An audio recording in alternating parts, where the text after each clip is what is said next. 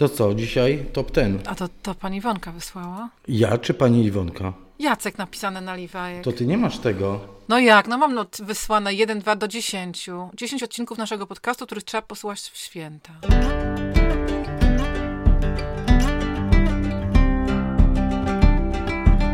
Naturalnie o ogrodach, odcinek 85.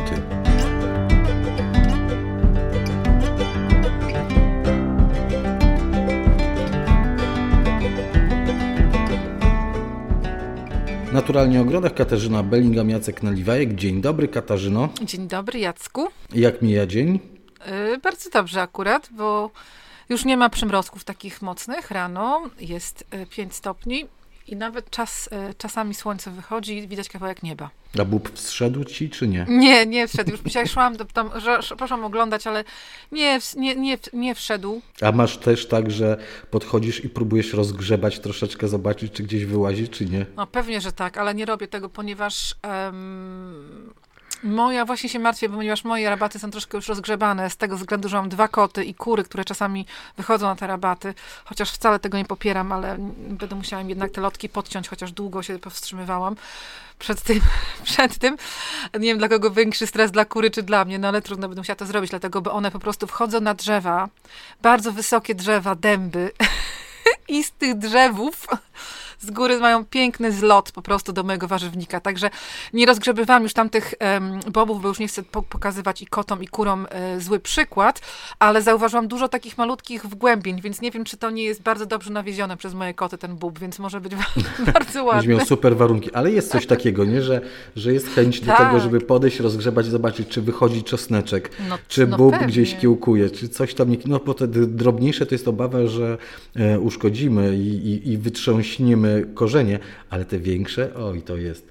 E, ok, Katarzyno, zbliża się okres świąt Bożego Narodzenia. Polecaliśmy e, książki, ale taka będzie długa przerwa. Myślę, że dla wielu e, osób, czy to świąteczna, czy to sylwestrowo-noworoczna. I chcielibyśmy im powiedzieć, czego powinni posłuchać przez te święta z naszych e, podcastów? Podzieliliśmy to na taki top 10 ważnych tematów, o których trzeba pamiętać, zanim zaczniemy uprawiać e, ogród. Top 10 tematów jest tematem dzisiejszego mm, odcinka. No, y, każdy, kto myśli o ogrodzie, albo każdy, kto ma ogród y, dobrze mm, zadbany, y, czy z wyzwaniami, bo nie chcę mówić, że z problemami, ale z wyzwaniami. No zawsze jak są jakieś wyzwania, inaczej byłoby nudno. Tak, to powinien, to powinien sięgnąć do tych odcinków, które już nagraliśmy, a to prawie dwa lata mm, naszych e, rozmów, więc jest e, w czym wybierać. I y, wydaje się, że takim tematem numer jeden, nad którym trzeba pomyśleć, myśląc y, o ogrodzie, to jest temat gleby. On był poruszany tak. w bardzo wielu odcinkach, bo nie ma odcinka chyba, gdybyś, żebyśmy nie mówili o glebie, od której mhm. się wszystko y, tak naprawdę zaczyna i zdrowie, i wzrost, i dorodność owoców, kwiatów, roślin. Mm, e, I taki mm, odcinek, który koniecznie trzeba posłuchać, to jest ten odcinek 83, jakich błędów nie popełniać przy zakładaniu ogrodu. Ja pamiętam, że jedna z naszych słuchaczek napisała na Facebooku w komentarzu, że ten odcinek to w ogóle powinien być pierwszy. Tak, powinien być pierwszy, żeby posłuchać, prawda? Tak, to jest bardzo ważny odcinek i ja chyba właśnie w tym odcinku też um, tak opowiadam taką, taką rzecz, która jest, która jest istotna przy w ogóle słuchaniu naszych podcastów, jakiekolwiek, czy to nasze, czy nie nasze, czy książki będziecie y, czytać, czy oglądać jakieś programy. Słuchajcie, przede wszystkim pamiętajcie o takiej rzeczy, że nie dajemy wam przepisu to jest coś takiego, że my was uczymy według naszych przekonań alfabetu.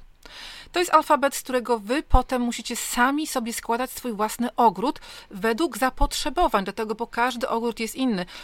Może ktoś z was czasami mówi, no tak, ale ja mam taki ogród, ja mam taki ogród, u mnie to by nie wyszło, tu by nie wyszło, bo ktoś na przykład w ogóle jest rolnikiem i to w ogóle to, co my mówimy czasami, by się człowiek łapał za głowę, ale to jest bardzo ważne bo y, wszyscy, i czy to czy są, są osoby, które mają skrzynkę na balkonie Czy to są osoby, które mają mniejszy lub większy ogródek amatorski, czy warzywny, czy ozdobny, nie ma znaczenia.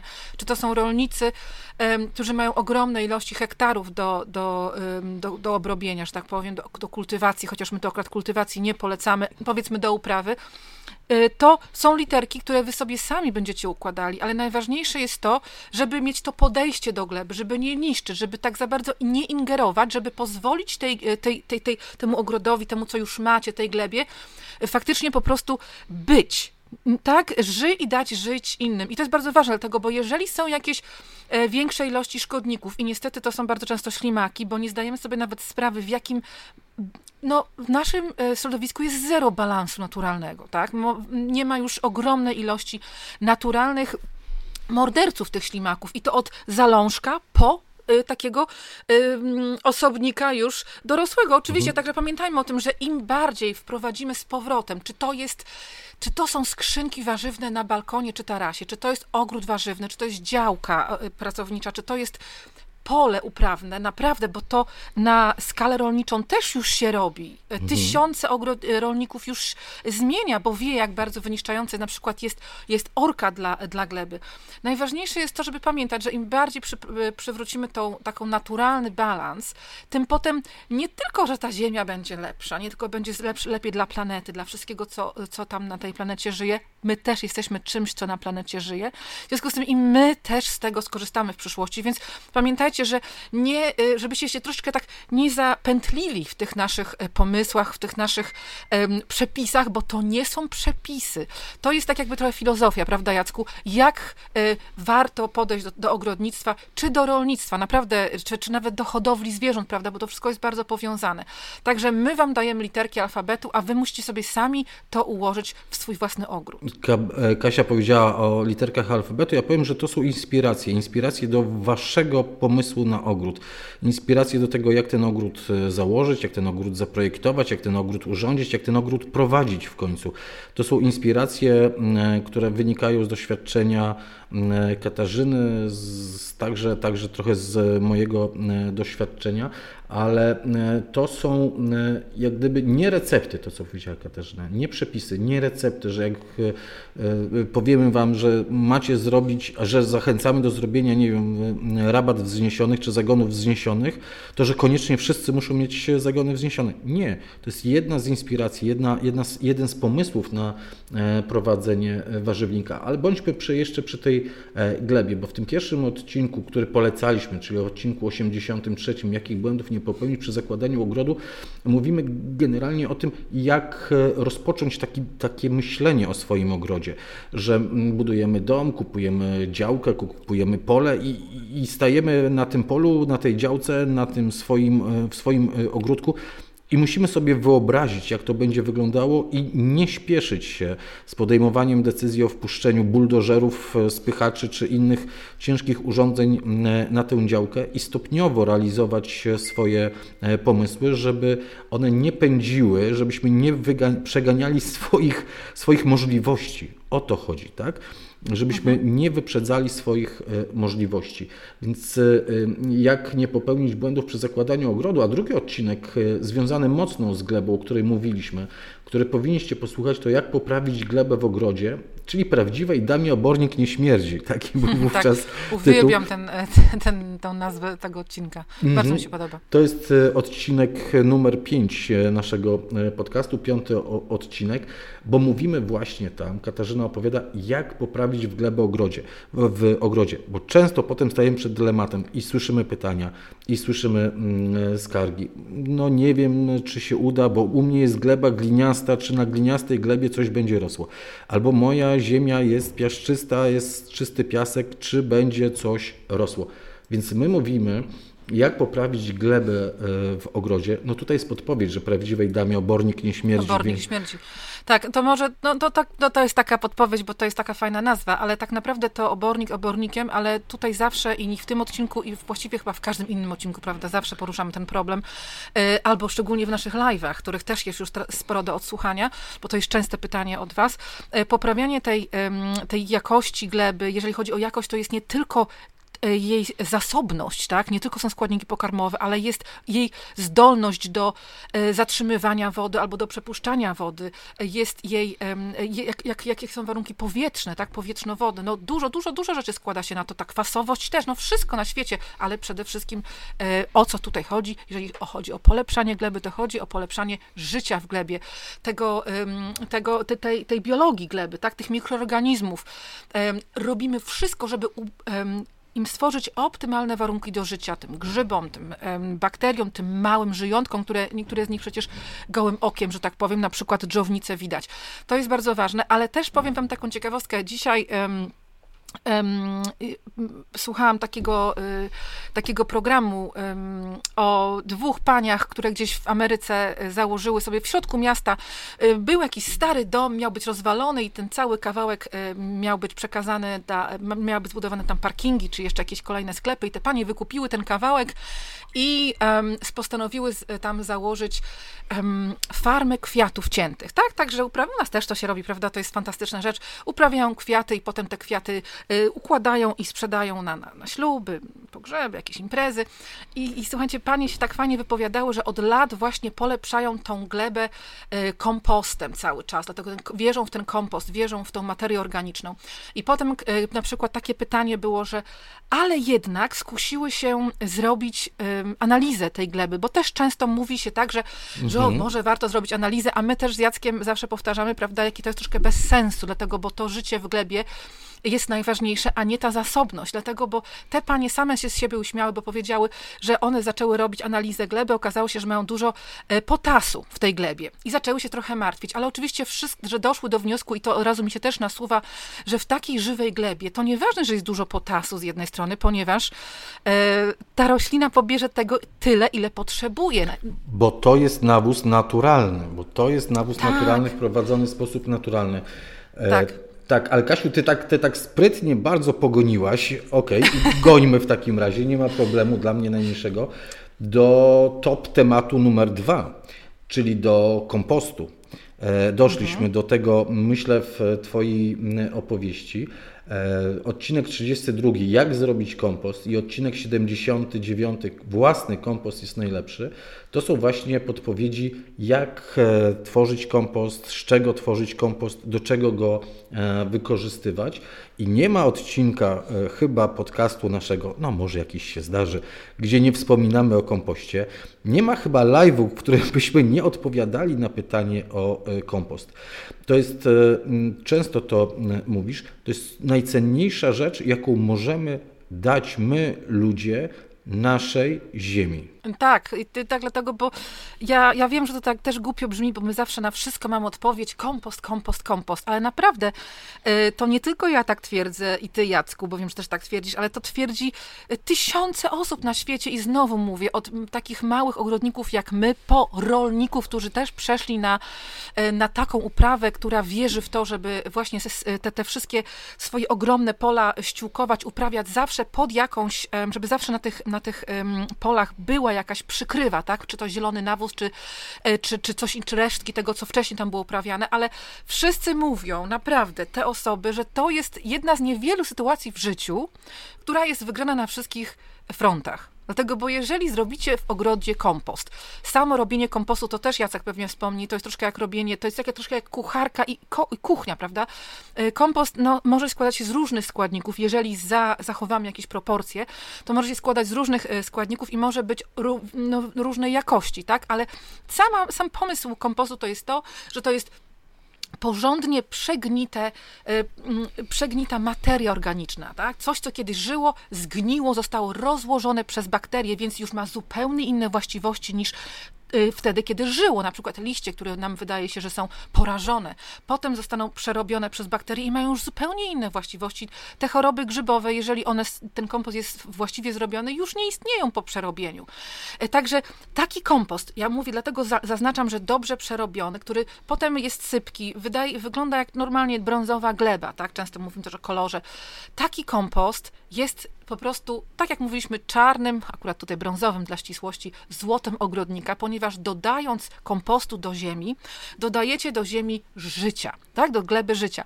E, gdzieś słyszałam w jakimś e, programie, jedna profesor mówiła, że stał, stała tak w takim białym fartuchu nad łyżeczką kompostu i mówiła, że gdybyśmy chcieli policzyć, ile tam jest mikroorganizmów w tej jednej łyżeczce y, tego kompostu, to by nam to zajęło, nie wiem, czy 60 godzin, czy coś takiego, tak? Gdybyśmy to chcieli sami sobie tak policzyć y, pod mikroskopem, jeden po drugim organizmie, tak, mikroorganizmie. Także naprawdę my sobie, to jest śmieszne, aż my sobie nie zdajemy y, sprawy z tego, jakie tam są ogromne ilości tych mikroorganizmów. I dodając ten kompost do gleby, właśnie wygrywamy na wszystkich frontach, ponieważ po pierwsze polepszamy te warunki e, wodno-powietrzne, polepszamy życie, a więc karmimy i wprowadzamy do gleby i karmimy istniejące już w niej mikroorganizmy od najmniejszych po większych, tak, bo one wszystkie od siebie są w pewnym stopniu uzależnione, tak samo jak my jesteśmy od nich uzależnieni. Nasze rośliny na tym bardzo mocno y, zyskują, ponieważ y, też to nie jestem jedną osobą na świecie, która cały czas powtarza, że nie karmimy roślin, tylko karmimy glebę, więc w takiej zdrowej glebie będą piękne, bujne, zdrowe rośliny, które nie będą też tak łatwo poddawały się atakom chorób czy atakom jakichś szkodników, tak? Poza tym, jeżeli przykrywamy, jeżeli ściółkujemy glebę, to również zatrzymujemy ciepło w glebie. A wiecie co? To jest bardzo ważne i o tym za mało może jednak z tym, o tym z Jacku jest tobą mówimy, ale to ciepło to nie tylko powoduje powoduje to, że rośliny lepiej rosną, po prostu, no rośliny lepiej rosną, ale o co to oznacza? Po prostu te mikroorganizmy kochają ciepło, tak samo jak i człowiek. Jak zaczyna się robić chłodno, tak jak teraz jest za oknem 5-6 stopni, no to mamy ochotę napić się gorącej herbaty, usiąść przed tam powiedzmy kominkiem, czy z książką, czy przed telewizorem i nic nie robić. I to samo, słuchajcie, mają mikroorganizmy. Jeżeli ta ziemia będzie zimna, wychłodzona, jeżeli nie będzie niczym przykryta, to będzie, e, będzie mniejsza aktywność mikroorganizmów, więc wasze rośliny będą gorzej rosły, e, będzie narażona na elementy takie jak wiatr, jak deszcz, jak śnieg ubijający tą glebę. My będziemy ubijać ją chodząc po niej. W związku z tym te, te właściwości e, wsiąkania wody też zaczną zanikać, ponieważ woda będzie spływała, będzie spływała do jakichś tam powiedzmy strumieni i tak dalej. Także słuchajcie, no po prostu, no nie wiem, no proszę mi podać jeden powód, dla którego nie należy używać kompostu w ogrodzie aż jestem ciekawa. Nie, nie ma takiego. E, no nie dokładnie, ma, nie, ma takiej opcji, nie, ma, ma takiego numeru. Ma opcji. Co więcej, my w tych odcinkach, ja przypomnę, że to jest 32 i 79 odcinek naszego e, kompostu, mówimy nie tylko jak zrobić swój własny kompost, ale także to, że nie ma dzisiaj wymówek, żeby nie kompostować. Nie ma wymówek, to znaczy, że jest możliwość zdobycia kompostu choćby z zakładu utylizacyjnego, czy kupienia e, kompostu, jeśli sami nie, nie, nie potrafimy wytworzyć albo nie mamy możliwości wytworzyć, albo potrzebujemy na początku, a jeszcze nasz kompost nie dojrzał z zakładów ogrodniczych, już mówiłem o zakładach utylizacyjnych, ale zakładach ogrodniczych, czy także można kupić w sklepach ogrodniczych kompost e, w workach już e, przygotowany. To jest dosyć drogi wówczas interes, droższy niż to, jak sami sobie Oczywiście. zrobimy, ale zawsze, zawsze na początek to jest i, i, i w razie wpadki albo w razie dołka w naszym kompoście, dołka w takiego w sensie podażowego, no to wtedy możemy się e, ratować. E, no chyba jako e, pierwsza w Polsce zaczęłaś przełamywać i ten taki, takie podejście ostrożne do tego kompostu zakładu utylizacyjnego i w mocny sposób promować kompost pochodzący z zakładu utylizacyjnego. To jest takie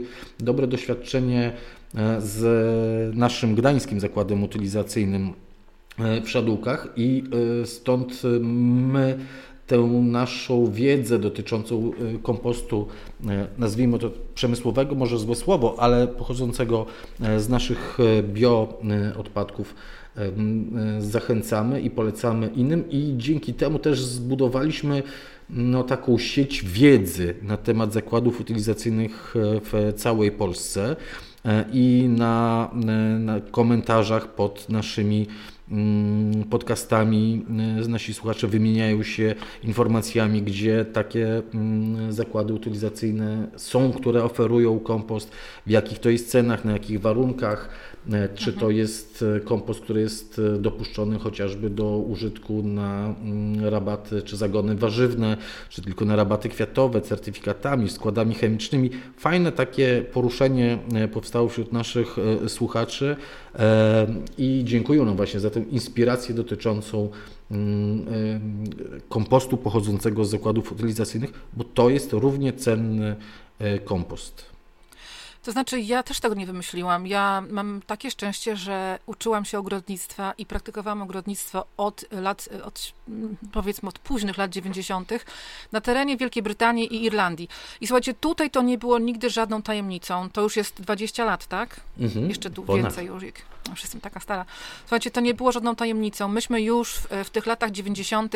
używali kompostu z lokalnych zakładów utylizacji śmieci w Anglii, dlatego dla mnie było to czymś zupełnie naturalnym i ja pracowałam, zaznaczam, słuchajcie, zawsze w okrodach ekologicznych, pokazowych ekologicznych, tak, dla Angielskiego Towarzystwa Ogrodnictwa Ekologicznego, także to było dla mnie normalne, że kompost e, z, z takich miejskich zakładów utylizacji śmieci idzie krok w krok z ogrodami ekologicznymi i jedyne co, to się polepszyło, dlatego, bo bardzo się zmieniło wiele rzeczy dookoła nas. My sobie może nie zdajemy sprawy. Ja tak zawsze mówię wam, że strach ma wielkie oczy, ale słuchajcie, e, chociażby benzyna. To te samochody, które jeżdżą po ulicach, e, już od wielu, wielu lat jest benzyna bezołowiowa. W, czasach, w latach 70., 80. było jeszcze dużo samochodów, które jeździły na benzynę ołowiową i ten kompost był zupełnie innej jakości, chociażby z tego powodu. Dlatego, bo e, były, mogłyby się w nim znaleźć na przykład jakieś metale ciężkie, tak? Teraz w dzisiejszych czasach jest zupełnie inaczej i dlatego musimy też o tym pamiętać, że żyjemy no, w śmiesznie to powiedzieć, że w czystszym e, środowisku, ale żyjemy w czystszym środowisku, bo gdybyście znaleźli się 100 lat temu w Londynie, to byście od razu mieli astm, od razu byście mieli problemy z oddychaniem, mhm. dlatego, bo wiecie, no powietrze jest na tyle, na ile czystsze, e, e, nie używa się tyle, nie ma tyle węgla, tak, nie, nie ma tyle ogrzewania węglowego, no i właśnie ta benzyna ołowiowa też już zniknęła y, w, dzisiejszym, w dzisiejszych czasach z ulic. I to jest ważne, jeżeli chodzi o ten kompost, bo piszą nadal raz na jakiś czas, znajdzie się jakaś osoba, która cały czas ma wątpliwości, no jak można taki kompost polecać z odpadków takich zielonych, czy z domostw, czy no nie wiem, industrialnych. Ja sobie nie wyobrażam, jakie industrialne odpadki mogą być w takim kompoście, ale to jest znowu związane z tym, że nie wszystkie osoby tak do końca wiedzą, o czym mówią, jeżeli chodzi tak naprawdę o ten kompost. Ja e, w związku z tym, że to jest moja praca, praca, że to jest moje całe życie i naprawdę zgłębiłam troszkę i też widziałam dużo różnych tych kompostów. Nie powiem, że sprawdziłam, y, że nie zjadłam ich, ale uprawiałam wiele ogrodów w różnych częściach y, Europy. Widziałam z różnych zakładów utylizacji śmieci. Rozmawiałam z wieloma osobami, które, które w tym siedzą, że tak powiem i naprawdę no, zawsze dochodzimy do wniosku podczas dyskusji, czego tak naprawdę się bać. I potem, jak ja opowiadam tym osobom, które mają wątpliwości, mówię: Dobrze, ale proszę pani, proszę pana, co może w tym kompoście być gorszego, niż jest na przykład w tym, co jemy, w tym, co, czym oddychamy? Śpimy w, w pościeli pod kocami, które są zrobione z plastiku, bo nie wiem, no już rzadko można znaleźć stuprocentową pościel bawełnianą. Naprawdę, ja muszę szukać, żeby nie było zawsze jakiegoś, jakiejś domieszki plastikowej nosimy polary, chodzimy w dresach, butów, butów jest większość plastikowa, jemy z plastikowych pojemników, pijemy z plastikowych butelek. No ja nie, nie wyobrażam sobie, co może być w tym kompoście straszniejszego od tego, co i tak już czymś otaczamy, tylko nam po prostu nie przychodzi do głowy, żeby, że, to jest, że to jest ten nasz wróg, a nie ten kompost. No bo w kompoście jakiś kawałek plastiku, bo ja się zawsze śmieję, że w kompoście u mnie był jeden klapek zawsze się śmieję, że niestety nie dwa, ale jakiś tam klapek, tak, plastikowy, są kawałki plastiku. To, że on jest brudny, ten kompost, to zależy od tego, jak on dobrze został przesiany, tak, no bo one potem są przesiewane przez takie wielkie sita bębnowe. I to jest tylko to. Ale pamiętajcie, że ten kompost jest zrobiony w takich warunkach bardzo kontrolowanych. To nie jest taki kompost, jak wy macie w ogrodzie u siebie, że może się nagrzeje, może się nie nagrzeje. To jest kompost, który jest podgrzewany kilka razy do temperatury około 73 stopnie Celsjusza. W związku z tym on jest sterylny. Naprawdę, nie przejmujcie się tym. Poza tym, no, co może pan Malinowski wyrzucić? Przepraszam, jeżeli akurat jest ktoś, jakiś pan Malinowski słucha nas. Co może pan Malinowski czy pani Kowalska wyrzucić do śmietnika, że to jest takie radioaktywne? No, słyszałam od jego, jednego pana z Kartus, że to jest radioaktywne. No, no, no myślę, że już więcej nie ma o czym mówić, tak? Jeżeli my mamy radioaktywne śmieci w śmietniku, no to wiecie. To faktycznie. Koniec świata. To było o kompoście, ale z kompostem związany jest e, trzeci temat, e, który koniecznie chcielibyśmy, żebyście przerobili w święta razem e, z nami, słuchając no, kilku odcinków, które poświęciliśmy. To o metodzie no dig, czyli bez kopania, a związane z tym jest, już Kasia wspomniała o tym, ściółkowanie, czyli no dig i ściółkowanie, bo to ze sobą jest nierozwiązalnie złączone. E, jedno mhm. z drugim e, po prostu współgra, żyje w symbiozie. Metoda no-dig, czyli nie kopanie działki i ściółkowanie. Odcinek 75. Jak zacząć przygodę z ogrodem no-dig. Odcinek 38. No-dig, czyli bez kopania gleby. Odcinek 53. Podlewanie i ściółkowanie. Jak zadbać ogród, o ogród w czasie suszy. Tak, bo to jest metoda. Właśnie za chwilę pewnie Kasia powie o tej ucieczce wody przez kopanie, przez nieściółkowanie. I e, także odcinek 82 z trociny, kora, czyli takie ściółki naturalne jako uzupełnienie mm, e, tematu dotyczącego e, ściółkowania. To jak to jest z tą wodą, z, tą, z tym no-dig i z tym kopaniem, Katarzyno? No teraz już w ogóle żyjemy w niesamowicie ciekawych czasach. Ja jestem, no ja w ogóle jestem pełna nadziei i jestem przekonana, że wszystko będzie dobrze, dlatego, bo tyle ludzi już wie, no, oczywiście dzięki temu, że odbywa się bardzo dużo różnych y, obserwacji, jakichś eksperymentów, badań, tak, prowadzonych na różnych uniwersytetach świata. Słuchajcie, Ameryka, y, y, Stany Zjednoczone Ameryki, po, poza tym, że czasami mają bardzo złą renomę i też, no to już niestety tak jest, ale to jest ogromny kraj i tam jest tyle samo wariatów, co naprawdę fantastycznych ludzi, fantastycznych naukowców, fantastycznych farmerów, również u nas w Europie to w dzisiejszych czasach już jest wiadomo, że kiedyś ludziom się wydawało, że faktycznie coś jakoś to jest tak, że jeżeli glebę uprawiam w ten sposób, to ona potem jest lepsza, tak? I potem są lepsze rośliny. I ludzie mogli tylko spekulować, a w dzisiejszych czasach my to wiemy na pewno, ponieważ są prowadzone w tym kierunku badania i to jest udowodnione. I wiemy na przykład już, jak bardzo niewskazane jest właśnie kopanie gleby. Um, jest, no to jest proste, tak? No kopanie gleby to jest przede wszystkim cały czas i czasami dwa razy w roku niektórym jeszcze przychodzi do głowy, żeby to zrobić, albo chociażby takie porządne współchnianie.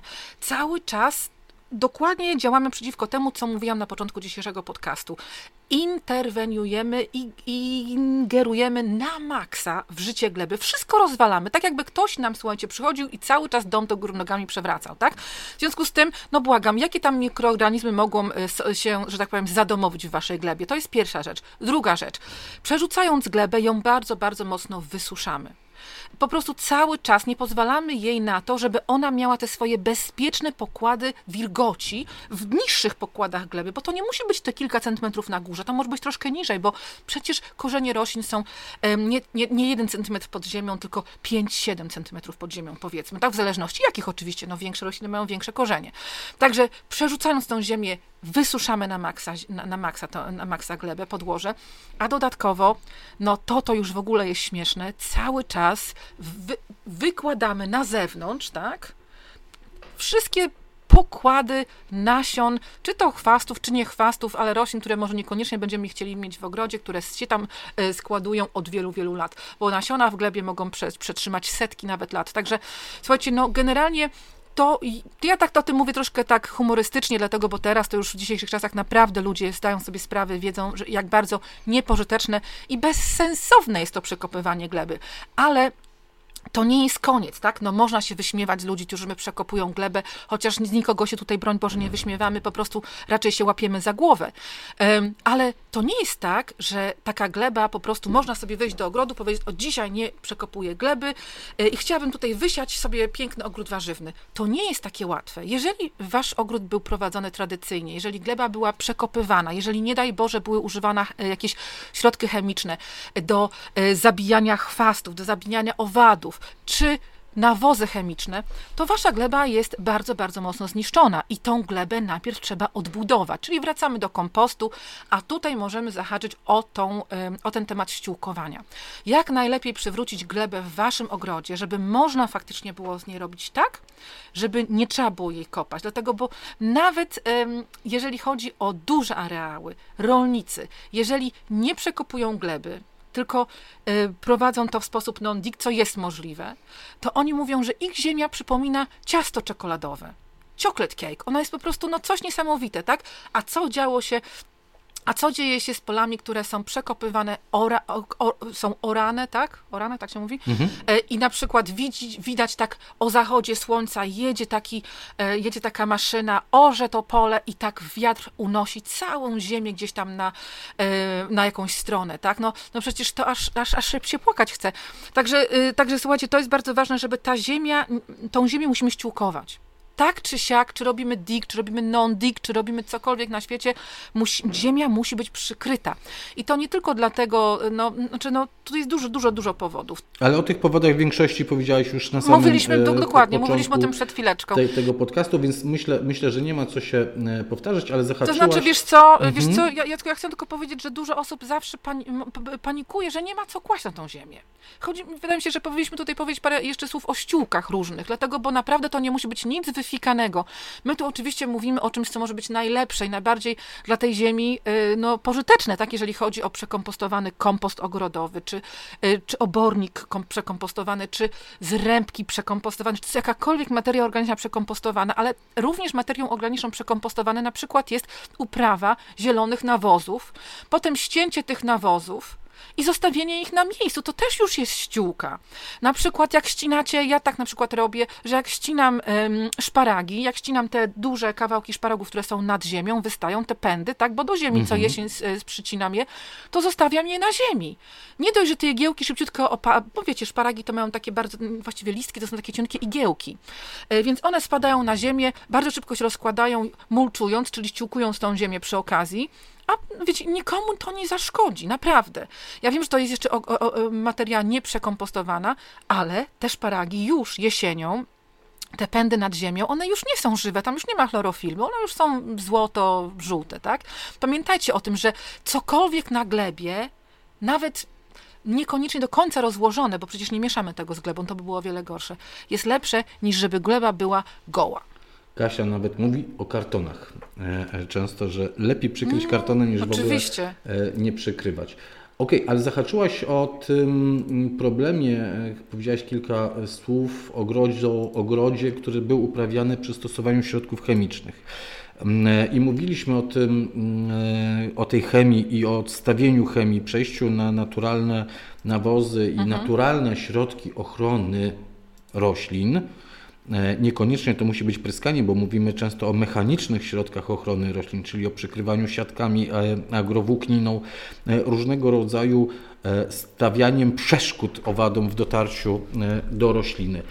Ale mm, też pamiętam, w, mówiliśmy w naszych odcinkach o tym, że ten okres przejścia to jest takie 2-3 lata nastawiania się na porażki pewne. Jeśli prowadziliśmy ogród czysto chemicznie, znaczy nawoziliśmy sztucznie, pryskaliśmy na choroby, drzewka owocowe, jakieś krzewy owocowe, mm, czy na jakieś e, szkodniki, to musicie się przez pierwsze pewnie dwa, może trzy lata nastawić na możliwe porażki. Ale szybko ten ogród dojdzie do równowagi i szybko e, stanie się przyjazny wszystkim owadom, które są szkodliwe dla tych owadów, których e, nie chcemy, albo przynajmniej będziemy zapobiegali pewnym procesom, e, dzięki którym szkodniki mogą łatwiej się dobrać do rośliny, jak chociażby zbytnie stosowanie nawozów e, azotowych albo w ogóle stosowanie sztucznych nawozów azotowych, które powodują pędzenie roślin w górę ku słońcu, dzięki czemu e, mszyce mają e,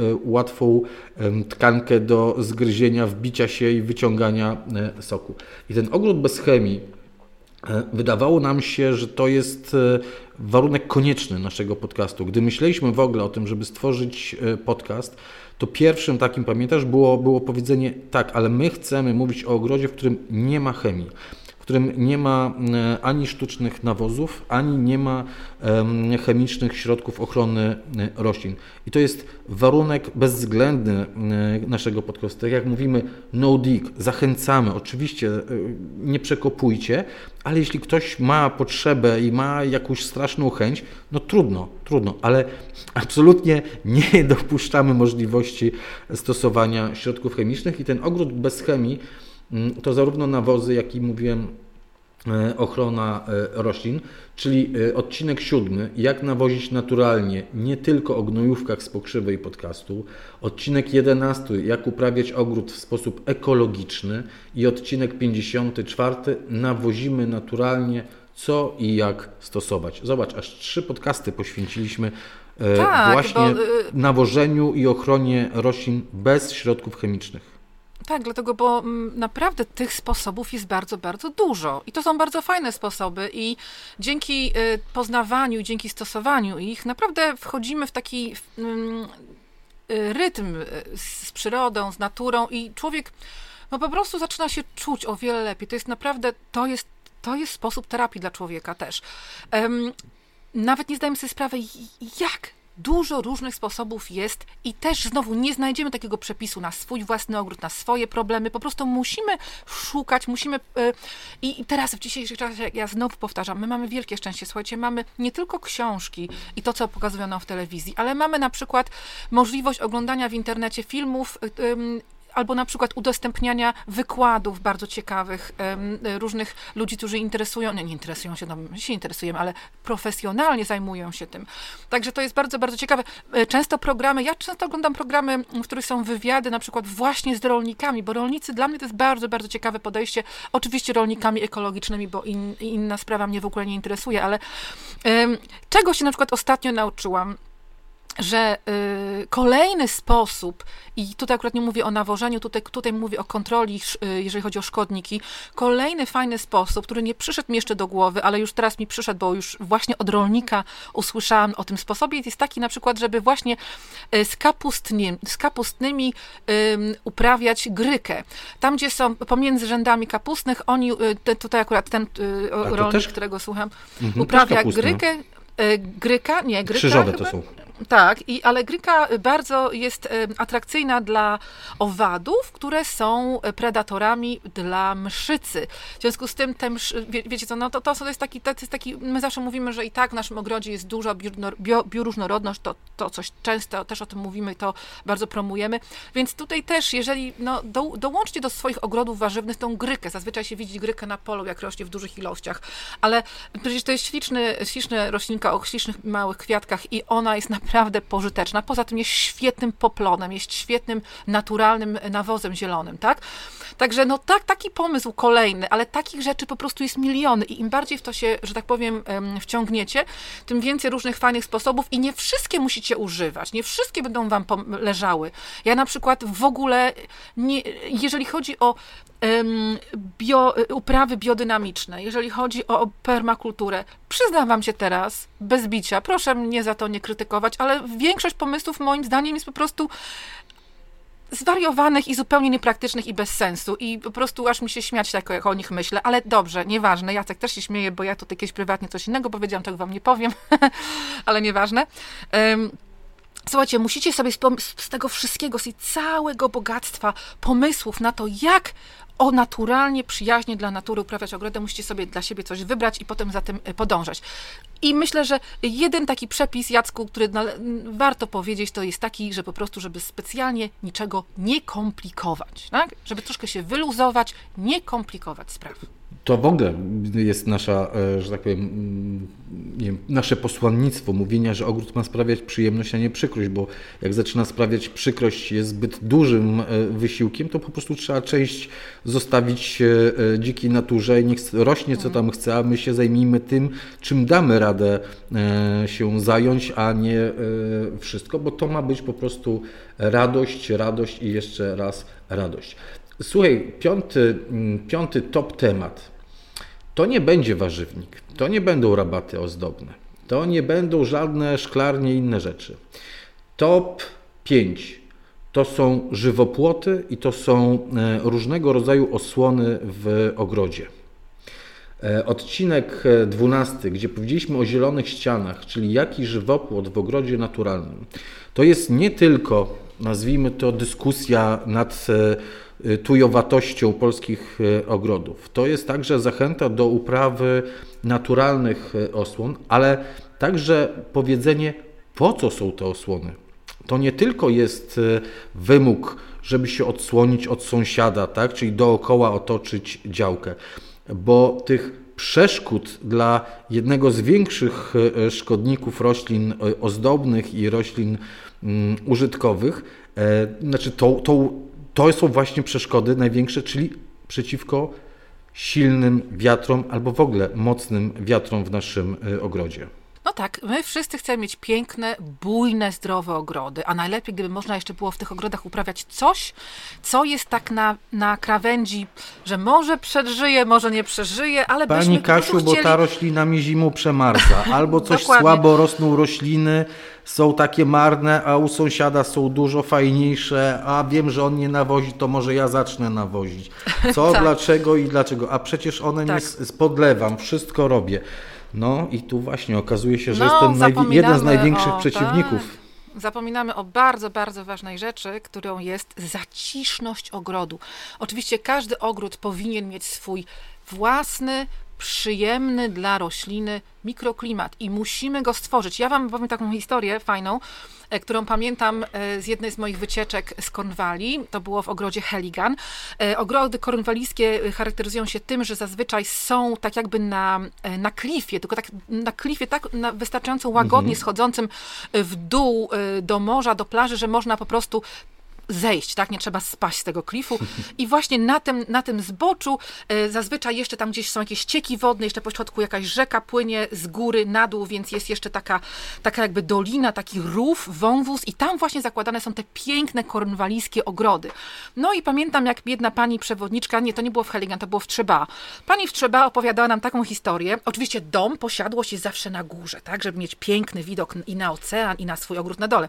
I pani opowiadała, że e, jak pan Bo Bogart zakładał ogród w tym miejscu, w tym w Trzeba jakieś 200 lat temu, to pierwszą rzecz, jaką zrobił, to stał sobie na balkonie swojego domu, przed domem jeszcze nie miał ogrodu, wysłał swoich służących po całym wielkim terenie z chorągiewkami różnymi i każda chorągiewka to było inne drzewo. I pierwsze, co zrobili, no nie wiem, jak oni to zrobili, bo nie mieli walkie-talkie, więc nie wiem, jak oni ze sobą rozmawiali, ale oni stawali po, y, oni stanęli na, po dwóch stronach, tak, po granicy, z, z, jednej strony granicy, bo wiadomo, z tyłu jest granica dom, z przodu jest granica ocean, więc z prawej i lewej strony z tymi chorągiewkami od domu aż po sam ocean zeszli do tego, y, wzdłuż tego wąwozu w dół i on ich rozstawiał, gdzie będą posadzone pierwsze główne drzewa, które będą w przyszłości stanowiły wiatrochron.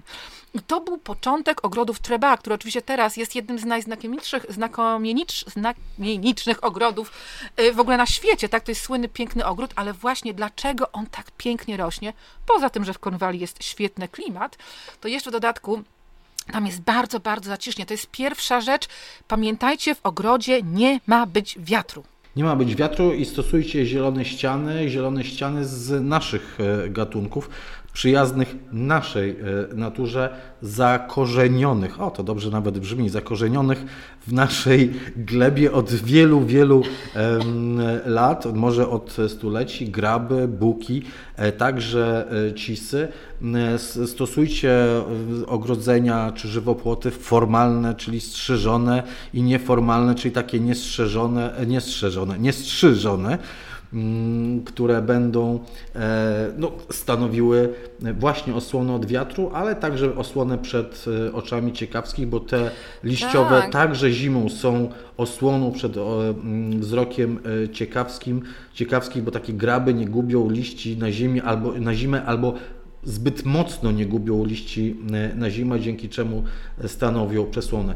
Ten żywopłot jest bardzo istotny, ale nie tylko tak. żywopłot, to także różnego rodzaju płotki, to różnego rodzaju jakieś ograniczenia, nie tylko wysokie żywopłoty, te mniejsze płotki, e, jakieś wiklinowe, wiklinowe takie, leszczynowe, tak. drewniane, które właśnie chronią nas przed wiatrem. Ten wiatr rozbijają, ten główny pęd wiatru jak spada wpada do ogrodu, to one zatrzymują, stają się takimi mm, bramkami, przez które nie może przejść e, e, wiatr i e, rozprasza się i dzięki temu jest zaciśnienie w ogrodzie. Zaciśnie także zimą, co jest istotne, jest zimą, dlatego że też często o tym mówimy, że dla wielu roślin, szczególnie tych zimozielonych, zimą, bardzo wczesną wiosną, to nie mróz, to nie jakieś silne przymrozki są najtrudniejsze, tylko właśnie wiatry, zimne wiatry, które wysuszają, które dodatkowo mrożą mm, te rośliny. Tak. Więc opanowanie wiatru, ujarzmienie tej, tej natury jest no, w przypadku ogrodnika bardzo pożądane. W związku z tym dwunasty odcinek Zielone Ściany, czyli jaki żywopłot w ogrodzie naturalnym. Zachęcamy Was do posłuchania. Tak, i, i ja chciałam powiedzieć, że słuchajcie, to też powoduje, że Wasz ogród jest bardzo bardziej przytulny, że chce się w nim przebywać. No bo ile razy ja przyjeżdżam do klientów, którzy mają po prostu no zero, no wszystko jest odsłonięte, tu pole, tam pole, no i to jest bardzo, bardzo nieprzyjemne. Także y, poza tym, że robi, możemy też w zależności od wielkości działki, możemy zacząć od wiatrochronu, to jeżeli macie wystarczającą dużą działkę, to możecie później powielać te żywopłoty wewnątrz. Przecież one nie muszą być już wysokie, ale na przykład jeżeli macie warzywnik, to też osłońcie go albo płotkiem, albo żywopłotem, bo to też sprawi, że będziecie mogli na przykład zimą uprawiać różne rośliny kapusty. Nie będą wam przemarzały podczas właśnie tych takich wiatrów, o których Jacek wspomniał przed chwileczką. Także nie musicie mieć tylko jeden i wyłącznie żywopłot dookoła. Jeśli tak zapudełkować, szczególnie jeżeli ten ogród jest mhm. wielkości 300, 200, 400 metrów, zamek, prawda? prawda? Z murami obronnymi dookoła. Dokładnie. Bardzo często takie możecie, sobie, możecie sobie powtarzać w środku te żywopłoty, troszkę mniejsze, może być to by płotek, jakieś podzielenia. I też, jeżeli macie mały ogród, to starajcie się, już to tak mm, z, z punktu widzenia projektanta mówię, też, żeby nie mieć z każdej strony ogrodu taki sam żywopłot, tylko go możecie zróżnicować i wtedy wasz ogród będzie się op tak optycznie wydawał większy. To prawda, Katarzyna o tym opowiadała w tym dwunastym e, odcinku, ale z tymi żywopłotami, z tymi osłonami, z tym takim wyobrażeniem zamku. Ja widziałem kiedyś taki ogród, który był jak zamek w Malborku, wiesz, e, czyli dookoła niski zamek, otoczony cały ogród e, jednym żywopłotem. Potem w środku wokół domu był drugi żywopłot, a, a, a dom był, a dom był jak gdyby wiesz, tym, tym zamkiem wysokim w Malborku. No, prze, prześmiesznie to E, wszystko e, wyglądało, ale no, no tak czasami się. Ale mają zacisznie. Mają zacisznie, e, to prawda. Ok, Katarzyno, przechodzimy teraz już może do czegoś, co, co, co, co powinno być finałem naszego myślenia o ogrodzie. Finałem, czyli warzywnik, czyli sad, jagodnik, czyli rabaty ozdobne.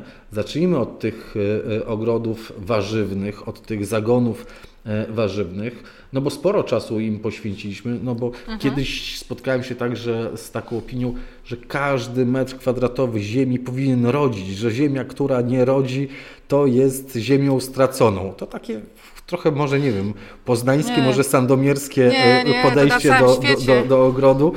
To jest normalne, to jest na całym świecie, to jest totalna propaganda. Na szczęście już dzisiaj wiemy, że to, że to jest e, wygenerowane przez, przez, przez ludzi, którzy no wiecie, słuchajcie, tak, no nie oszukujmy się, tak, nie zawsze było na świecie tak, jak teraz jest. Może nam się wydaje, że jest okropnie i strasznie, ale prawda jest taka, że żywności na świecie jest teraz dużo, wręcz za dużo, dlatego żywność też jest dosyć tania. No może się śmiejecie, że wcale nie jest tania, ale gdybyście porównali z tym, co było kiedyś, to jest bardzo w dzisiejszych czasach tania, tak? Chociażby ile razy w tygodniu możemy zjeść mięso w dzisiejszych czasach, a kiedyś mogliśmy jeść może raz na miesiąc, raz na rok. Także słuchajcie, po wojnie faktycznie w wielu krajach tego jedzenia było bardzo mało i były duże problemy. Na przykład w Anglii były ogromne problemy, ponieważ jest to wyspa, na której raczej się nie uprawia zbyt dużo jedzenia. Także tutaj były ogromne problemy i do dzisiaj też Anglicy mają wpojone do głowy to, że oni muszą wszędzie wszystko kopać i wszędzie sadzić te warzywniki. Może dlatego te warzywniki są takie popularne w Anglii, ale to jest prawda, no ale to już jest podejście troszeczkę innego pokolenia, toś mi się wydaje. Ale ty mówisz, że w Anglii, a w, w Polsce y, y, rodzinne ogrody działkowe zrodziły się z pomysłu niedoboru przecież e, warzyw i owoców na rynku i pomocy e, wielu rodzinom w tym, że jak dostaną kawałek ziemi, czy to będzie 300 metrów, 400 metrów e, kwadratowych, to będą tak. mogli tam posadzić drzewka owocowe, krzewy owocowe i uprawiać własne warzywa. Te rodzinne ogrody działkowe kiedyś w latach, no nie wiem, PRL-u tak to nazwijmy, były ogrodami bardzo użytkowymi tej chwili zmieniają się w ogrody ozdobne, więc to nie tylko Wielka Brytania, to także nasze polskie e, doświadczenie związane właśnie z tym, że ziemia powinna przynosić e, owoce owoce w postaci pokarmu dla człowieka. To znaczy, to ja może możemy tylko powiedzieć, dlaczego w ogóle o tym mówimy, bo prawda jest taka, że nie jest to nie jest prawdą, tak, do końca. Dlatego, bo już teraz wracając do tego, co mówimy od samego początku dzisiejszego odcinka, e, mówimy o tym, że wiemy, że właśnie glebę trzeba pozostawiać w spokoju, tak, ale chcemy mieć ten kawałek faktycznie u siebie, gdzieś w ogródku, czy za oknem, czy na działce pracowniczej, bo takich też jest mhm. jeszcze dużo, która faktycznie będzie nam intensywnie produkowała coś zdrowego przede wszystkim do jedzenia. Oj, to jest najważniejsze. Te wszystkie tematy wcześniejsze było po to, żeby to, co e, do czego doszliśmy, czyli do ogrodu e, warzywnego, było zdrowe przede wszystkim. Mało, że obfite plony dawało, to jeszcze zdrowe e, plony. Odcinek 43. Nie mówię po kolei odcinków, ale 43. Jak założyć warzywnik. Odcinek pierwszy. Jak założyć warzywnik na rabacie wzniesionej. Odcinek 71. Płodozmian na trzy zagony. I odcinek 34. Jak stosować płodozmian. Myślę, że w wielu przypadkach odpowiedzą na Wasze e, pytania, albo przynajmniej postaramy ją, postarałyśmy się wówczas odpowiedzieć na większość pytań, jakie nam przyszły do głowy, albo Wam przyszły do głowy i nam e, zadawaliście, czyli ogród warzywny. Jak założyć warzywnik 43 pierwszy, jak założyć warzywnik na rabacie wzniesionej, I potem płodozmiany, jak stosować płodozmian 71 i 34, w ogóle jak stosować e, płodozmian. Ale kilka słów o tym mm, warzywniku na rabacie wzniesionej, bo od niego, mhm. Katarzyno, mhm. rozpoczęliśmy nagrywanie naszych podcastów. To był odcinek 0001. tak właśnie widzę, super. Nie, to było, to kiedy to było? No dawno, dawno. A to nie było przypadkiem wzgorzałem gdzieś pod wiatą, czy gdzieś, nie wiem, jakoś tak wspominam. Ciekawe, gdzie byśmy to nagrywali. Wiele odcinków nagraliśmy pod wiatą wzgorzałem, to prawda, ale nie wiem, czy ten. To znaczy, wiecie co, może na początek um, powiedzmy sobie szczerze, że nie wszyscy muszą mieć te rabaty wzniesione, Otóż tak? to, otóż to. No, bo możecie się zastanawiać, po co i dlaczego my promujemy te rabaty wzniesione, ale może dlatego je promujemy, że właśnie te rabaty wzniesione nadają się często w miejsca problematyczne, tak jak mówiłeś na początku, Jacku, takie z, z wyzwaniem. Bo bardzo często się składa tak, że, że jednak nie mamy takiej super ekstra gleby w ogrodzie. Większość z nas nie ma wcale dobrej gleby, a chciałoby już od początku, od zaraz uprawiać marchewki, cebulę, kapusta, tak? No, coś, coś takiego dobrego, wartościowego do, do naszej kuchni, do, do, z ogrodu. No więc y, dlaczego ta rabata wzniesiona? Dlatego, bo jeżeli zrobimy ramę z 20-centymetrowych desek, tak, na grub, de, grubość deski najlepiej, żeby była około 5 cm, to na dłużej Wam wystarczą. Więc jeżeli podnieś, zrobimy taką ramę na ziemi, do środka wsypiemy super ekstra wyfikane podłoże, na przykład przekompostowane y, jakieś albo odpadki z ogrodu, czy przekompostowany ogrod, y, znowu z tym przekompostowanym ogrodnikiem, przekompostowany obornik, A, obornik. no, mhm. obornik, no to od razu mamy ekstra ogród. To jest taki troszkę instant gardening, tak jakby zaraz przyjeżdżała do Was telewizja, mówiła, u Was będziemy nagrywać od dzisiaj, e, wiecie, odcinek Maja w ogrodzie, czy coś i, i będziecie musieli mieć nagle ogród. Naprawdę, to jest instant gardening. Możecie sobie stworzyć bardzo szybko ogród warzywny z niczego. I to jest właśnie fantastyczna zaleta takich rabat wzniesionych. Mogą te rabaty wzniesione nie być w takich drewnianych ramach, jak najbardziej. E, Charles Dow, Dow, e, Dowding. Ding, Charles Dowding nie ma ram na większości rabat, po prostu ma takie grobiki usypane, tak? Takie jakby kopczyki. Twoje sformułowanie grobiki pozostanie, bo ono chyba zostało użyte w pierwszym odcinku i, i, i przez te wszystkie odcinki trwa. No bo może, wiecie, no może nikt nie chce tego na głoś powiedzieć, ale to dokładnie tak wygląda, że jak ktoś był kiedyś na pogrzebie, to wie, że to tak wygląda. I słuchajcie, w związku z tym, wiesz, no, wiecie, no nie musicie robić tych drewnianych desek, ale po prostu one łatwiej utrzymują to podłoże, tak ono się nie rozsypuje, jest naprawdę po prostu łatwiej to ogarnąć. I na przykład robiłam y, warzywniki przy szkołach w Gdańsku. W niektórych miejscach zrobiliśmy te warzywniki, słuchajcie, na betonowym podwórku, ale we wzniesionych rabatach, tak? Robię u siebie ogród w Toadpool na terenie starej kopalni odkrywkowej, która była zasypana totalnym jakimiś pokruszonymi kamieniami, nie wiadomo co.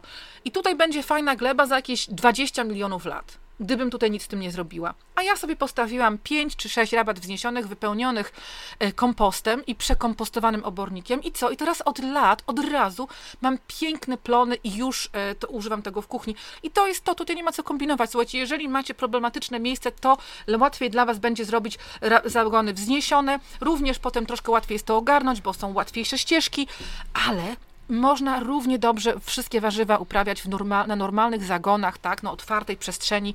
E, mówiliśmy też o tym często, mówiliśmy w ostatnim live'ie chyba o ścieżkach, prawda? Nawet nie potrzebne są ścieżki, tylko wkładamy sobie deseczkę, na której pracujemy, potem przynosimy tą deseczkę i to się stosuje w, naprawdę w wielu, wielu ogrodach. To nie jest jakiś mój wymysł. Przecież pomiędzy niektórymi warzywami w ogrodzie w ogóle nie chodzimy przez wiele miesięcy, tak sobie rosną jakieś tam kapusty czy coś. Także to jest bardzo ważne. To, co Wam pasuje. Tak jak mówiliśmy, jakie macie, y, my mam, dajemy literki, a Wy sobie te literki układacie w swój własny warzywnik. Czy to jest wzniesiona rabata, czy nie. To zależy od tego, co już macie. Ale piękne. Słuchaj, sześć tematów e, za nami, cztery jeszcze tematy przed nami w tym odcinku, a czas pędzi jak szalony. Cztery jeszcze? I jeszcze cztery, ale to wszystko dlatego, e, że poświęciliśmy tym wcześniejszym odcinkom albo tym tematom, top tematom, szczególnie tym pierwszym pięciu, bardzo dużo czasu, bo one są podstawą, one są tym elementarzem, one są tym fundamentem katedry waszego ogrodu. Jeżeli nie, nie, nie posadowicie dobrze e, mhm. tych fundamentów, czy nie pomyślicie o glebie, nie pomyślicie o kompoście, o ściółkowaniu czy no jeśli nie odejdziecie od chemii, to i, i, i nie stworzycie e, przesłon, nie stworzycie żywopłotu, to nie odniesiecie sukcesu ani w ogrodzie warzywnym, ani w ogrodzie mm, ozdobnym, ani w waszym sadzie, ani w waszym e, jagodniku.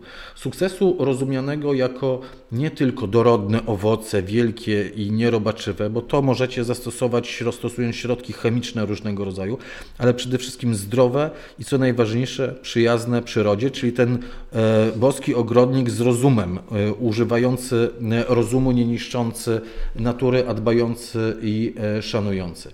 Więc e, ogród warzywny jako ogród e, mm, taki użytkowy, z którego wyciskamy z tej ziemi jak najwięcej dobra dla nas, dobrego, zdrowego jedzenia, był tym szóstym tematem, więc otworzyliśmy drugą piątkę top tematów to tematem numer 7 będą chyba rabaty ozdobne. Coś, co możemy, czym możemy się pochwalić, czymś, co możemy pokazać przed sąsiadami. To jest raz, że możemy się pochwalić jakimś przedogródkiem albo pięknym e, ogrodem. Bo za ogródkiem? E, przedogródek to jest bardzo często używane sformułowanie. Ja wiem, ja wiem. Za ogródek nie spotkałem się, Nigdy. ale okej, okay, przyjmuję. Przyjmuję, niech będzie za ogródkiem, że też możemy się e, pochwalić. Możemy w nim odpocząć i on też jest właśnie i powinien być przyjazny naturze. W związku z tym to jest odcinek, e, mm, no niech ja e, spojrzę, siódmy, rabaty preriowe, nie, to jest siódmy temat, rabaty preriowe, piękne, łatwe. Dziesiąty odcinek, jak założyć rabatę preriową. Odcinek siedemdziesiąty, rośliny na rabatę preriową. Jak zadbać o rabatę bylinową na wiosnę, to jest odcinek trzeci. E, ogród e, żwirowy, pomysł na piaszczystą glebę. Jest także ogród e, angielski w dwóch odcinkach z różami w roli głównej. Pierwszy odcinek i potem drugi odcinek poświęcony różnym innym roślinom, bylinom, roślinom dwuletnim i jednorocznym na, na rabacie angielskiej. I mm, te wszystkie rabaty odpowiadają na inne wyzwania. Rabaty preriowe to jest takie wyzwanie współczesności, że mniej nawożenia, mniej pracy, mniej podlewania. Rabata angielska no to jest wyzwanie wyzwanie dla ogrodnika, czyli nawożenie, mhm. podwiązywanie, ścinanie, nieustanna pielęgnacja, te rabaty mm, żwirowe, no to też wyzwanie na słabe mm, gleby, więc staramy się pokazać, że możecie w zależności od tego, jaką macie glebę, jakie macie potrzeby, stworzyć własne pomysły e, rabat ozdobnych tak, rabat. i jakie macie umiejętności, dlatego, bo szczerze mówiąc, te rabaty preriowe, to jeżeli chodzi o pielęgnację, to jest bardzo, bardzo łatwe tak jak zaznaczyłeś przed chwileczką, te y, rabaty angielskie. To jest basic to, level, nie? Tak, to jest tak dokładnie, jest basic level. Ale to, co Jacek tutaj mówi, rabaty angielskie, no to wiecie, no to tak naprawdę to, to jest, dlaczego w ogóle mówimy na, na to rabaty angielskie? To jest zawsze taki problematyczny temat i pytanie, co to jest ogród angielski? Co to są, no wiecie co, no przede wszystkim to są, to są rabaty pełne roślinności, tak? To jest ogród, w którym są wyszło wyszukane gatunki ciekawych roślin, ale przez przekrój, tak jak Jacek przed chwileczką powiedział, od roślin jednorocznych, przez dwuletnie, przez wieloletnie, przez krzewy, czasami przez małe drzewka, przez pnącza jednoroczne, przez pnącza wieloletnie i rośliny cebulowe kwitnące wiosną, kwitnące latem. Także wiecie, tego jest sporo tak naprawdę i to właśnie dla mnie jest ogród angielski. Ktoś z Was może powiedzieć, no ale ogród angielski to chyba park no może i park, ale dla nas ogród angielski to jest to, o czym właśnie przed chwilką powiedziałam. Mhm. I o tym opowiadamy Wam y, w tych, y, w tych y, podcastach, bo wiecie, no rośliny się pomiędzy sobą bardzo różnią i prawda jest taka, że te rośliny, które świetnie koło siebie rosną na rabatach preriowych, a świetnie ze sobą rosną, dlatego, bo właśnie wszystkie potrzebują zero tak naprawdę pielęgnacji, bardzo są odporne na, i na pogodę, i na choroby, i na szkodniki, tak? To Znowu te, te rośliny, które uprawiamy na tych e, rabatach angielskich, o których mówię, są wręcz odwrotnie, bardzo, bardzo wymagające. To są rośliny, które powtarzają kwitnienie, na przykład ostróżki, przywrotnik ostroklapowy, e, goździki e, brodate, bodziszki, łubiny, róże, tak? Potem rośliny, które są w naszym klimacie traktowane jako rośliny jednoroczne, to są na przykład dalie, albo rośliny, które są w naszym klimacie jednoroczne, takie jak w innych klimatach również jednoroczne, takie jak kos kosmos, tak? Wiecie, cynie, to cały czas trzeba przycinać, ogławiać, te kwiaty e, usuwać, które już przekwitły, żeby następne kwiaty mogły kwitnąć. Oczywiście w preriach jest zupełnie, to znaczy no, tych rabatach, na które mówimy preriowe, e, proszę się, to znowu nie kierować, to są nasze nazwy, to wiecie, na prerii to zazwyczaj rośnie pewnie jeden tylko gatunek na wielu, wielu hektarach, tak? Ale to się charakteryzuje tym, że mają to wspólnego z rabatami preriowymi, że są piękne, swobodne, falujące na wietrze i nic z nimi nie trzeba robić, tak? Są przede wszystkim bardzo tolerancyjne na, na wszystkie, na różne no, na, na, otoczenie, tak, na warunki. Także o to chodzi, to nie chodzi o nazewnictwo, tylko chodzi o to właśnie to wam troszkę mówi, jak będziecie musieli pielęgnować te rabaty. Także no, o wszystkim opowiadamy wam. Ja zawsze mówię, że i może to tak zamknę w jednym zdaniu, że żebyście się nie przestraszyli tym, że nic nie trzeba pielęgnować na rabatach preriowych, więc pewnie nie są takie fajne. No powiem wam szczerze, że w moim ogrodzie wzgorzałem. Prawda jest taka, że ludzie się fascynują bardziej rabatami preriowymi częściej niż tą rabatą angielską i nie można w to uwierzyć wręcz, że na rabacie angielskiej musimy pracować kilka razy w tygodniu, a na rabacie preriowej kilka razy w roku. E, I, i tak to, taka to jest zależność. O, i widzicie, i taki jest e, problem z tą rabatą e, angielską. Ja się zastanowię, bo ja cały czas nie mam. Ja jeszcze nie dojrzałem do rabaty angielskiej w swoim ogrodzie, do ogrodu nazwijmy to leśnego, do ogrodu preriowego dojrzałem i mam, ale za rabatą angielską myślałem, że będę walczył w przyszłym roku i będę walczył z rabatą angielską w, przyszłym roku, ale zacznę od niewielkiego obszaru i zobaczę, jak wiele czasu mi będzie zajmowała pielęgnacja takiego mm, rabaty, czy ja po prostu to udźwignę, czy nie udźwignę, ale róże na pewno będą w pierwszym pierwsze skrzypce Oj, grały w mm, tak. ogrodzie angielskim, no bo róże grają pierwsze skrzypce w ogrodzie angielskim, o czym mówiliśmy także w naszych odcinkach. Więc szukajcie te rabaty preriowe, szukajcie rabaty angielskie, szukajcie mm, ogród e, żwirowy. Szczególnie, tak jak Katarzyna powiedziała, zachęcamy do mm, zapoznania się z odcinkami poświęconymi rabatom preriowym. Tym rabatom, które są piękne i łatwe w uprawie i to jest rabata ozdobna dużo dłużej niż rabata angielska, bo ona także zimą jest ozdobna. Dopiero gdzieś tak pod koniec lutego, w marcu przycinamy do, do ziemi, ale za chwilę wyskakują e, rośliny.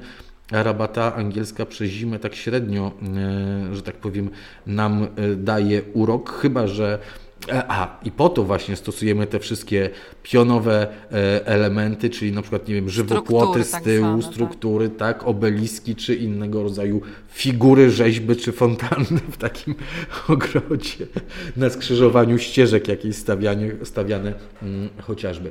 Ok, odcinek, e, albo nie odcinek, temat ósmy, temat ósmy z top tematów to jest sad i jagodnik. Znowu wracamy do użytkowania e, ogrodu, takiego użytkowania, żeby mieć co zjeść, e, te witaminki, żeby e, zdobyć. Odcinek 45 w przydomowym sadzie, odcinek 36 maliny, truskawki i borówka amerykańska i odcinek wcześniejszy 35 jagodnik w ogrodzie ekologicznym.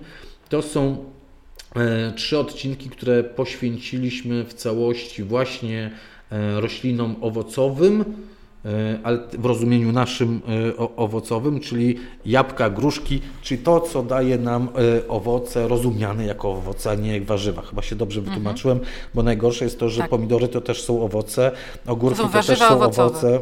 No tak, ale to też są owoce, w sensie tak. produktu no finalnego. No bo się wcina owoce, tak, tak, to prawda. Tak, więc tutaj, tutaj sad, jagodnik w przydomowym sadzie, maliny, truskawki, borówka e, amerykańska. E, i tam mówiliśmy właśnie to, co powiedziałem wcześniej, że przejście z ogrodu chemicznego e, na e, ogród naturalny jest, jest wyzwaniem i, i jest lekcją e, pokory, ale to jest tak, że nieprawdą jest, że nie ma mm, możliwości dorodnych i zdrowych owoców bez stosowania chemii. I w tych trzech odcinkach staramy się Wam to dowieść i podpowiedzieć, jak zrobić, żeby mieć zdrowe, nierobaczywe, albo z rzadka robaczywe, bo się trafią czasami. No czasami, co? No robaczki też muszą żyć, nie? No, ale właśnie zdrowe e, rośliny bez stosowania chemii. No tak, Jacku, ja myślę, że tutaj bardzo dobrze to powiedziałeś i tutaj no, co takiego ogólnego w tym wszystkim? No jak, jak zawsze, zero chemii to nie ma w ogóle o czym mówić, dużo ściółkowania, kompostem lub, lub innymi przekompostowanymi materiami. Tutaj też e, poruszamy problemy zakwaszania, niezakwaszania, tak? Mhm. Ale e, też bardzo często w sadzie proponujemy Wam, żeby też trawy nie wycinać, nie kosić E, tylko żeby kosić, wykaszać sobie e, w niej, w tym sadzie tylko i wyłącznie ścieżki, a całą resztę pozostawić na albo taką naturalną łąkę, która składa się i z kwitnących traw, takich zwykłych, dzikich traw kwitnących i tam zawsze znajdują się też i kwiaty, Y, które też będą kwitły, będą piękne, ozdobne i tylko to raz w roku przecinać, a można na wiosnę, jesienią posadzić na przykład duże ilości krokusów czy narcyzów, żeby ta łączka jeszcze piękniej na wiosnę wyglądała. I ta łączka będzie ściągała owody, e, owady, które będą nam e, pięknie zapylały, zapylały e, roślinki. Myślę, że musimy zrobić odcinek o murarce ogrodowej, ekstra odcinek o murarce ogrodowej, bo to jest nasze zaniedbanie. Ja nagrywałem odcinek o murarce ogrodowej, ale na zaproszenie innego podcastu.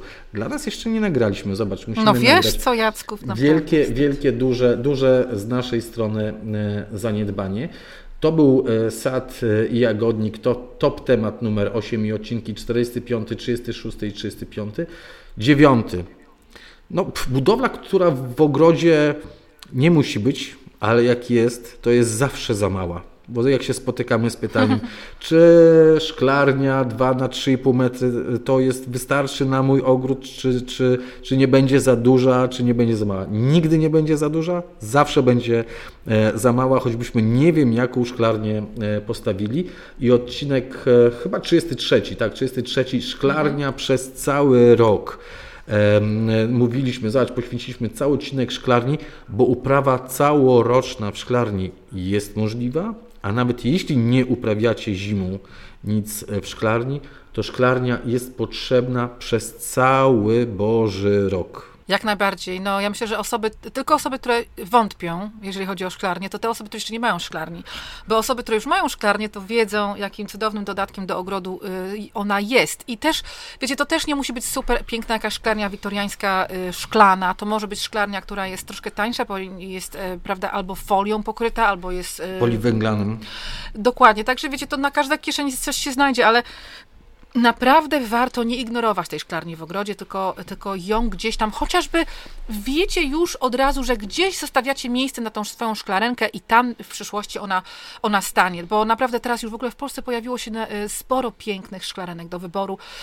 Ja mam u siebie i tutaj, i w Polsce mam nieduże szklarnie, zawsze brakuje miejsca, ale wydaje mi się, że tak jak, no pamiętam, e, jak kiedyś pracowałam u, u, u Lady Morton w Northampton, ona miała piękną oranżerię, ogromną taką wiktoriańską oranżerię, no nie wiem, wysoka na 5 metrów. Słuchajcie, nawet do tej oranżerii żeśmy musieli dostawiać na wiosnę jeszcze półki jakieś tego, bo po prostu nie starczyło miejsca. Także nie przejmujcie się. To jest normalne, że każdy ogrodnik chce więcej. Także posiadanie szklarni jest esencją, A wielkość to tylko zależy od waszej kieszeni i od wielkości ogrodu. Dokładnie tak. E, to jeśli jesteśmy przy tej szklarni, to ja bym chciał, żebyśmy rozstrzygnęli wielki e, spór. W jakim kierunku ustawiać szklarnię, a drugie, w jakim kierunku e, ustawiać, nie wiem, zagony wzniesione albo w warzywniku. Czy to jest północ-południe? Czy to jest północ-południe? Nie, bo może szklarnia może stać inaczej niż e, zagony wzniesione. Czy to ma być północ-południe, czy to ma być wschód-zachód? E, to ma być. Już wam mówię. Kasia coś to patrzy. Ma być... Nie ma swojej magicznej linijki, ale ma swój magiczny, zaczarowany ołówek. Według mnie północ-południe. Według Katarzyny północ-południe. Ja mam tak ustawione też w swoim ogrodzie północ-południe. E, ale słuchajcie, bo często jest tak, żeby, żeby nie było. E, to, co Katarzyna powiedziała, to nie jest recepta, to jest inspiracja.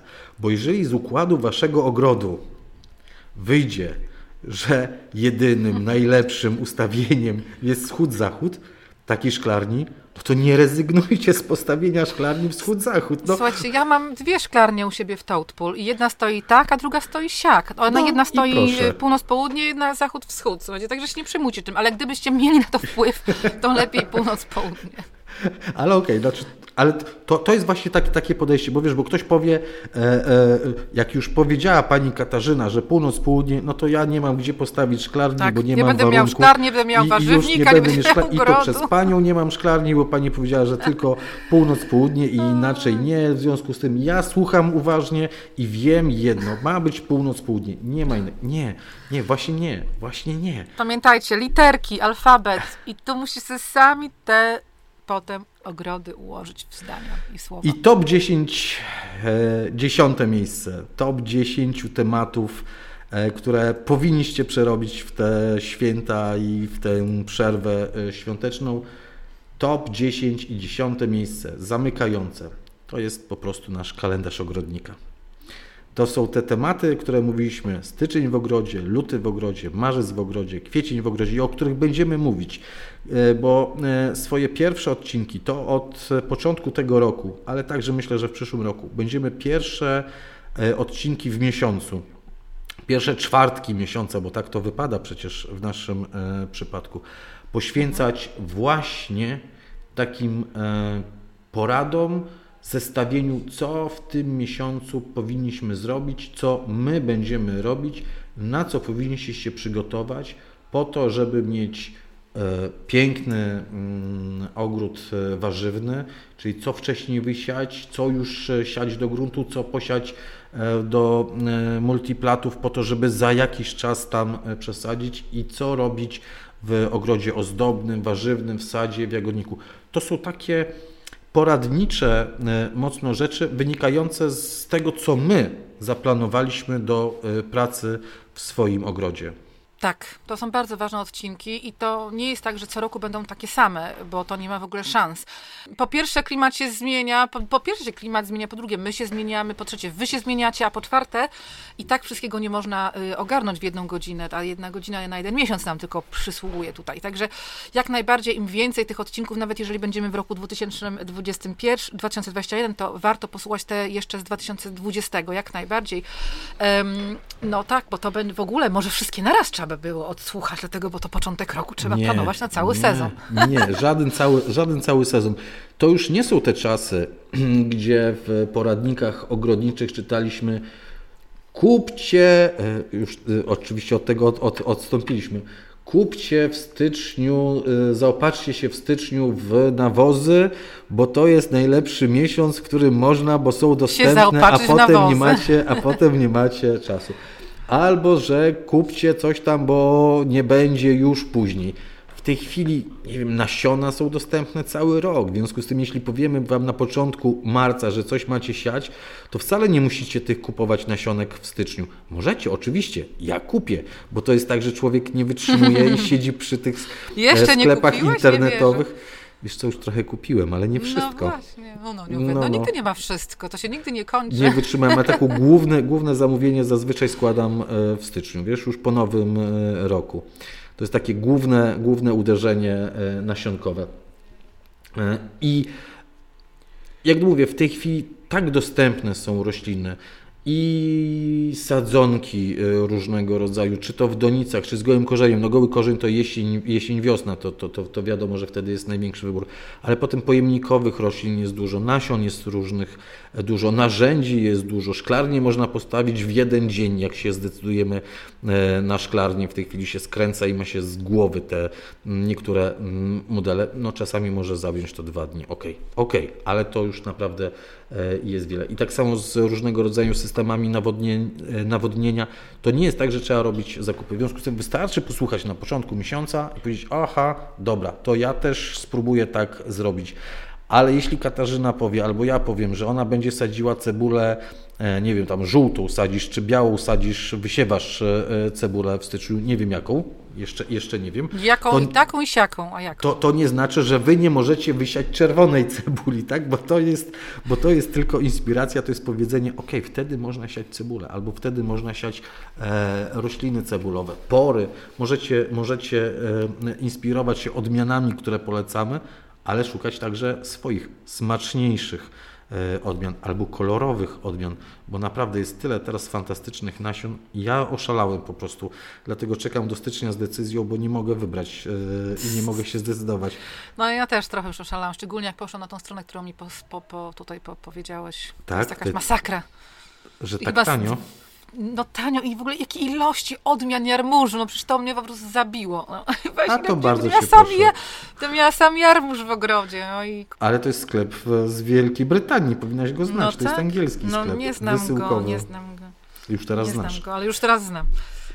Okej, okay, słuchajcie, top 10 tematów, które musicie przerobić. Musicie przerobić. Tak. Zamiast przerabiać ziemię, przeróbcie te y, tematy. Temat jeden gleba, drugi kompost, trzeci no-diki ściółkowanie, czwarty bez chemii, e, piąty to są żywopłoty, szósty ogród warzywny, siedem to rabaty ozdobne, w tym głównie królowe ogrodu Katarzyny Wzgorzełem rabaty e, preriowe, ósmy to jest sad i jagodnik, dziewiąty szklarnia, no i dziesiąty kalendarz ogrodnika. Mam nadzieję, że e, daliśmy Wam przynajmniej takie wytyczne na spędzenie Mapę. świąt mapę drogową. O, ty, to jest dobre. Taką mapę drogową e, na święta Wam e, daliśmy. Spotkamy się jeszcze za tydzień, 17 e, grudnia, a potem zrobimy na dwa tygodnie przerwę świąteczno-noworoczną z Katarzyną, bo to będzie akurat Wigilia i Sylwester, więc my też będziemy świętowali i radowali się i odpoczywali. I spotkamy się wówczas 7 e, stycznia. Także za tydzień jesteśmy live 14 grudnia w najbliższy poniedziałek. Także jest o godzinie 19 na Facebooku. Serdecznie e, zapraszamy. Katarzyna Bellingham, Jacek Naliwejek, naturalnie o ogrodach. Dziękuję Ci, Kasiu. Dziękuję serdecznie. To był bardzo, zresztą jak każdy, bardzo fajnie, e, fajnie taki odcinek się nagrywa, jak się wspomina, prawda? Stare czasy, całe dwa lata temu. Wow, wow, wow, jacy my jesteśmy już dojrzali. tak jest. E, dwa lata, dwa lata to już chodzimy, nie? No jeszcze nie, nie, nie całkiem. No jeszcze nie całkiem dwa lata, jeszcze mamy troszkę czasu. No to tam do marca, ale już dwuletnie dziecko chodzi, także wiesz, no, my tak. już jesteśmy haha, zobacz. Już jesteśmy bardzo upierdliwi dla rodziców naszych. Ząbkujemy. Tak. Trzymaj się, wszystkiego dobrego. Do zobaczenia.